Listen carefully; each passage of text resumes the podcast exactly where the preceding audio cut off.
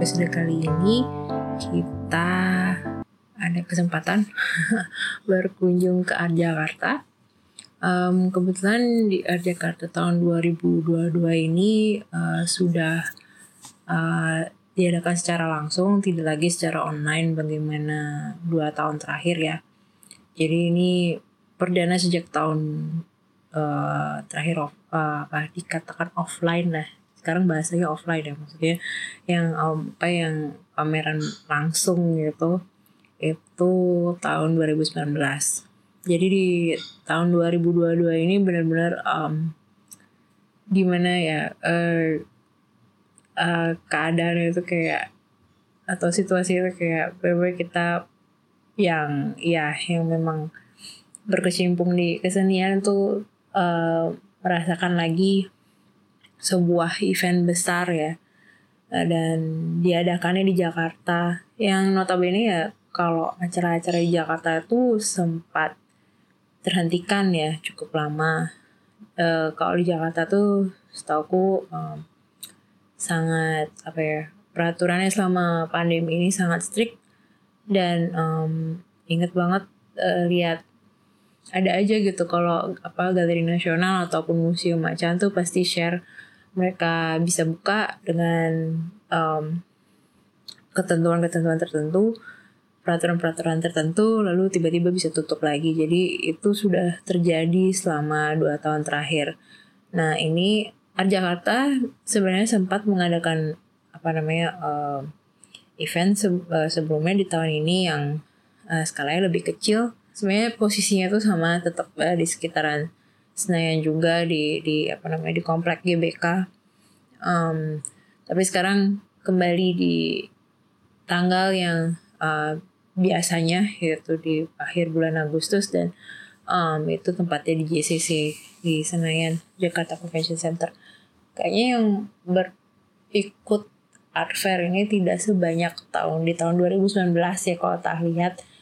Uh, tetapi uh, booth-boothnya, uh, bilik-biliknya tuh uh, jauh lebih besar beberapa dan uh, dan juga untuk uh, yang scene-nya which, which is untuk komunitas-komunitas atau kolektif yang ingin ikut itu uh, juga lebih lengang. Kalau yang tahun kebetulan tahun 2019 sempat ke sana buat apa namanya scene-nya itu sangat sangat kecil seperti kayak masuk kamarnya sangat kecil gitu. Jadi kayak yang sekarang tuh menurutku lebih mending gitu uh, dan kita lebih agak lebih lebih leluasa lah menurut menurutku juga lebih leluasa untuk yang ikut uh, mengadakan apa namanya pameran kecil di booth itu pasti lebih senang juga bisa menata menata atau mendisplay uh, karya-karya yang mereka jual gitu. Kalau yang tidak tahu belum atau belum pernah ke Jakarta, um, uh, art fair itu seperti terbagi beberapa tempat gitu ya. Um, pas kita masuk tuh uh, kita disambut uh, beberapa ruang. Uh, ada macam-macam sih. Uh, aku nggak hafal tapi kayak salah satunya juga dia selalu menyiapkan satu tempat untuk play yang uh, diperuntukkan untuk anak-anak. Ada kayak workshop di sana yang mereka bisa ber apa namanya mencoba berkarya yang bukan tempat bermain lah gitu tapi berkaitan dengan seni dan seni rupa dan um, biasanya mengikuti uh, uh, apa namanya yang disiapkan oleh seorang seniman gitu. Um, lalu seperti biasa uh, Art Jakarta punya beberapa karya on the yang lagi on spotlight gitu. Biasanya itu diambil dari beberapa um, beberapa galeri yang ikut uh, di art fair tersebut nah terus yang utama yang selalu dilihat orang-orang itu adalah beragam galeri yang ikut di Art Jakarta dan itu ada dari Indonesia sendiri dan dari negara-negara tetangga.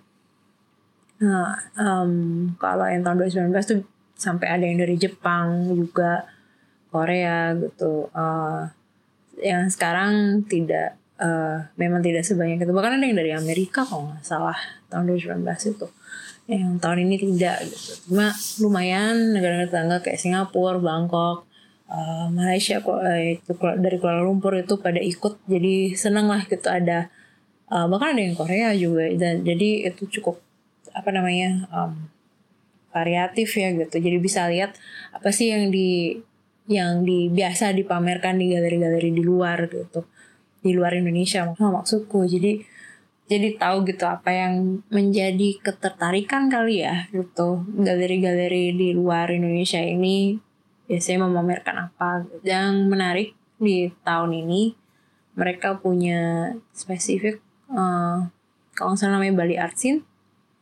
Um, di mana dia meng-highlight empat galeri dari Bali yaitu uh, Tony Raka, Zen One, Art Exchange dan Jagat Gallery. Dan itu di juga di satu apa namanya satu area dia. Jadi dia tidak berjauhan dari sesama gitu. Yang yang di mana yang lainnya mencar gitu.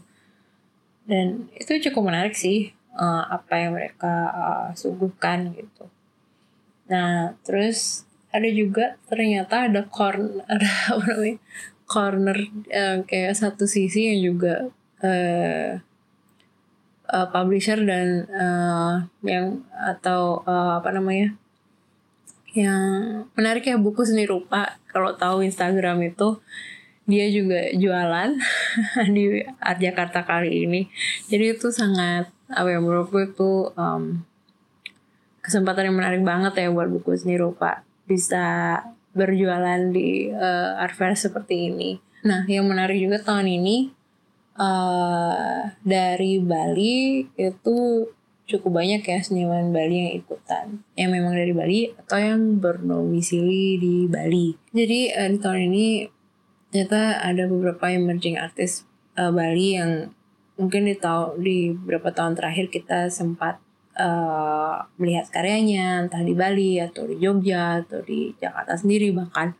Dan itu sangat um, menjanjikan ya gitu. Karya-karya mereka ini layak untuk dipertunjukkan atau dipamerkan di ajang sebesar ini gitu. Sesuatu yang menarik untuk ditilik gitu karena kalau inget tiga tahun yang lalu kayak nggak sebanyak ini gitu dan ternyata walaupun dalam waktu tiga tahun dua tahun sampai tiga tahun terakhir ini kita tidak uh, bersentuhan langsung gitu dengan pameran yang apa namanya yang langsung gitu ternyata uh, mereka dilihat dan uh, apa namanya dan mereka mendapat kesempatan untuk uh, ditunjukkan juga di Art Jakarta tahun 2022 ini gitu. Jadi di Art Jakarta kali ini kita berkesempatan bertemu beberapa seniman uh, wawancara mereka uh, mohon maklum host yang ini lagi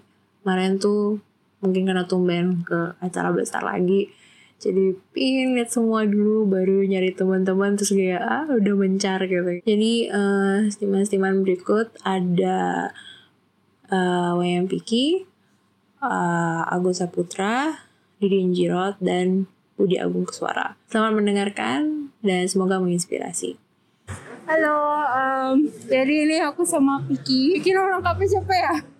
Uh, Iwayan Piki Suyersa. Uh, jadi sekarang uh, Piki di Booth Art Serpong ya? Iya. Di Art Jakarta ya. Iya. Ada berapa karya? Di satu karya. Oh satu. Ya. Yang paling eh paling belakang tadi. Eh di sih? Di Kalau masuk tuh di paling kanan tuh ya? Iya. Oh, paling kanan.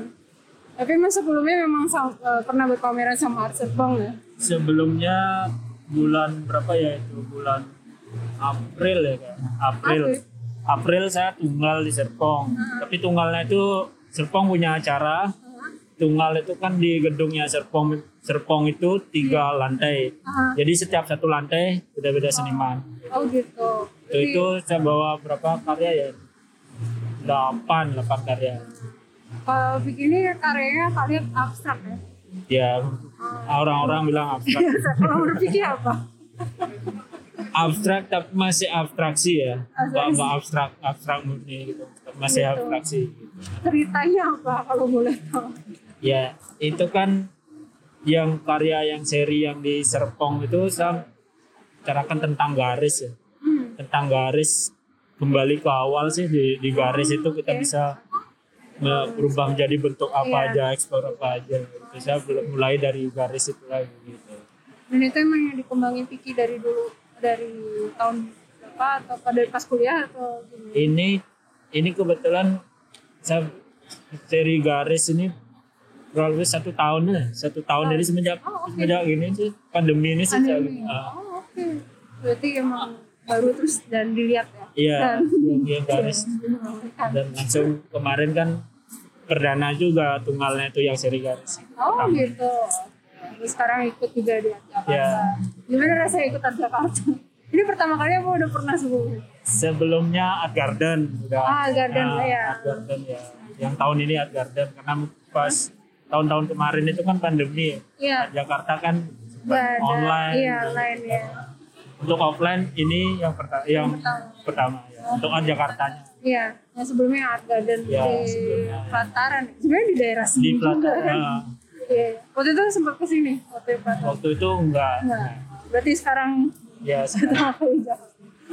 Gimana rasanya? eh, ya ya senang sih Senang. Ya. senang juga sih ketemu teman-teman dari Bali Iya. kebanyakan di sini kan Iya. mudah-mudahan Iya, Ya. kayak seru tahun ini banyak Ya. banyak teman Bali yang mau ikutan. Ya, sukses terus pikir. ya terima kasih Terima kasih ya. Ya. Halo Agus. Halo. ini Agus di galeri apa ya? Siji ya? Sama-sama aku di galeri Sigi, Sigi Artis. Ya, ini Jakarta ya. Jadi eh, beberapa kali ikut sama Siji Eh, untuk Advert Eh, untuk fair ataupun pameran Oh. sama mereka. berapa ya? Lupa ya. sering ya, terlalu sering. Enggak terlalu sering nih. Tapi ini pameran tunggal kedua aku di PG. Di Siji. Ya. Oh, oke. Gimana rasanya ikut Jakarta? senang, Aduh, senang, senang, senang banget ya. Kayak banyak lukisan ya di sini. ya. Iya, ada 14 karya sih, cuma 12 painting, dua ini patung. Oh, patung. Mana patung? Itu Oh, sama yang ini. I see. Keren, keren, keren. Pakai apa tuh patungnya? Apa Eh, bahan? tembaga, tembaga, tembaga sama resin. Ah, menarik sih. Apa ini? Emang apa temanya sama sama lukisannya? Sama painting, iya, sama lukisannya itu sama. Oh sama. Ini kan apa? Kalau nggak salah lukisan itu perkembangan dari batuan ya? Atau saya Iya. salah? Benar-benar. Jadi Oke. inspirasinya itu seni lukis Bali ya, khususnya batuan. Heeh.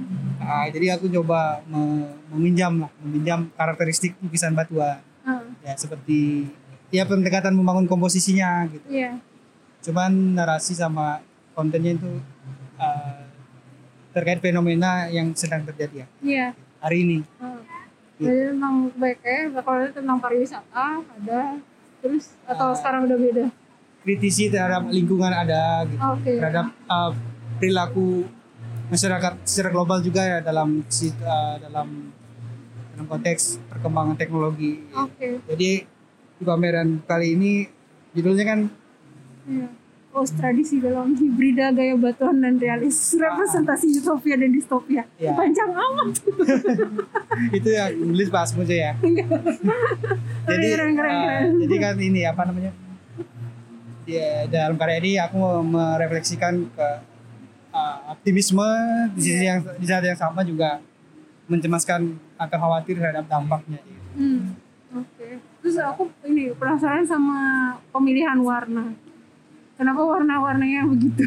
Begitu aku gimana? biasanya nggak yang pertama kali lihat dari punya kan agak kehijauan gitu. Ah, Jadi aku ngerasa oke kehijauan tuh kayak tropikal. Tapi sekarang malah ada macam-macam. Iya, sebetulnya yang le- lebih ini lebih yang ke arah monokrom ya awalnya kan. Ah, Karena kan di seni lukis batuan awal-awal itu kan ada yang hitam putih lah ya. oh iya iya. Nah, Jadi aku mm, mengambil monokromnya, jadi nggak Hmm. membawa warna nuansa hitam putih atau cuman krem itu sebagai nuansa yang uh, apa sih kalau dibilang magis kan gitu lah, bangun nuansa kan. Iya, iya, Aku lebih bawanya ke arah yang joyful, Ah. nah, seperti itu lah. Menarik menarik. Asik go. Sama-sama. Selamat ya. Sukses terus. Terima kasih. Halo Din. Halo sakit. Halo lagi dengan Didin Jirot yang saya ingat banget pertama kali nge-podcast sama dia dia bingung mau ngomong apa sekarang dia di Hatchno dia bersama Hatchno Sama-sama Project bingung juga ngomong apa. ini Didin lagi ikut Hatch Ya. di Jakarta. Up Project Gimana rasanya?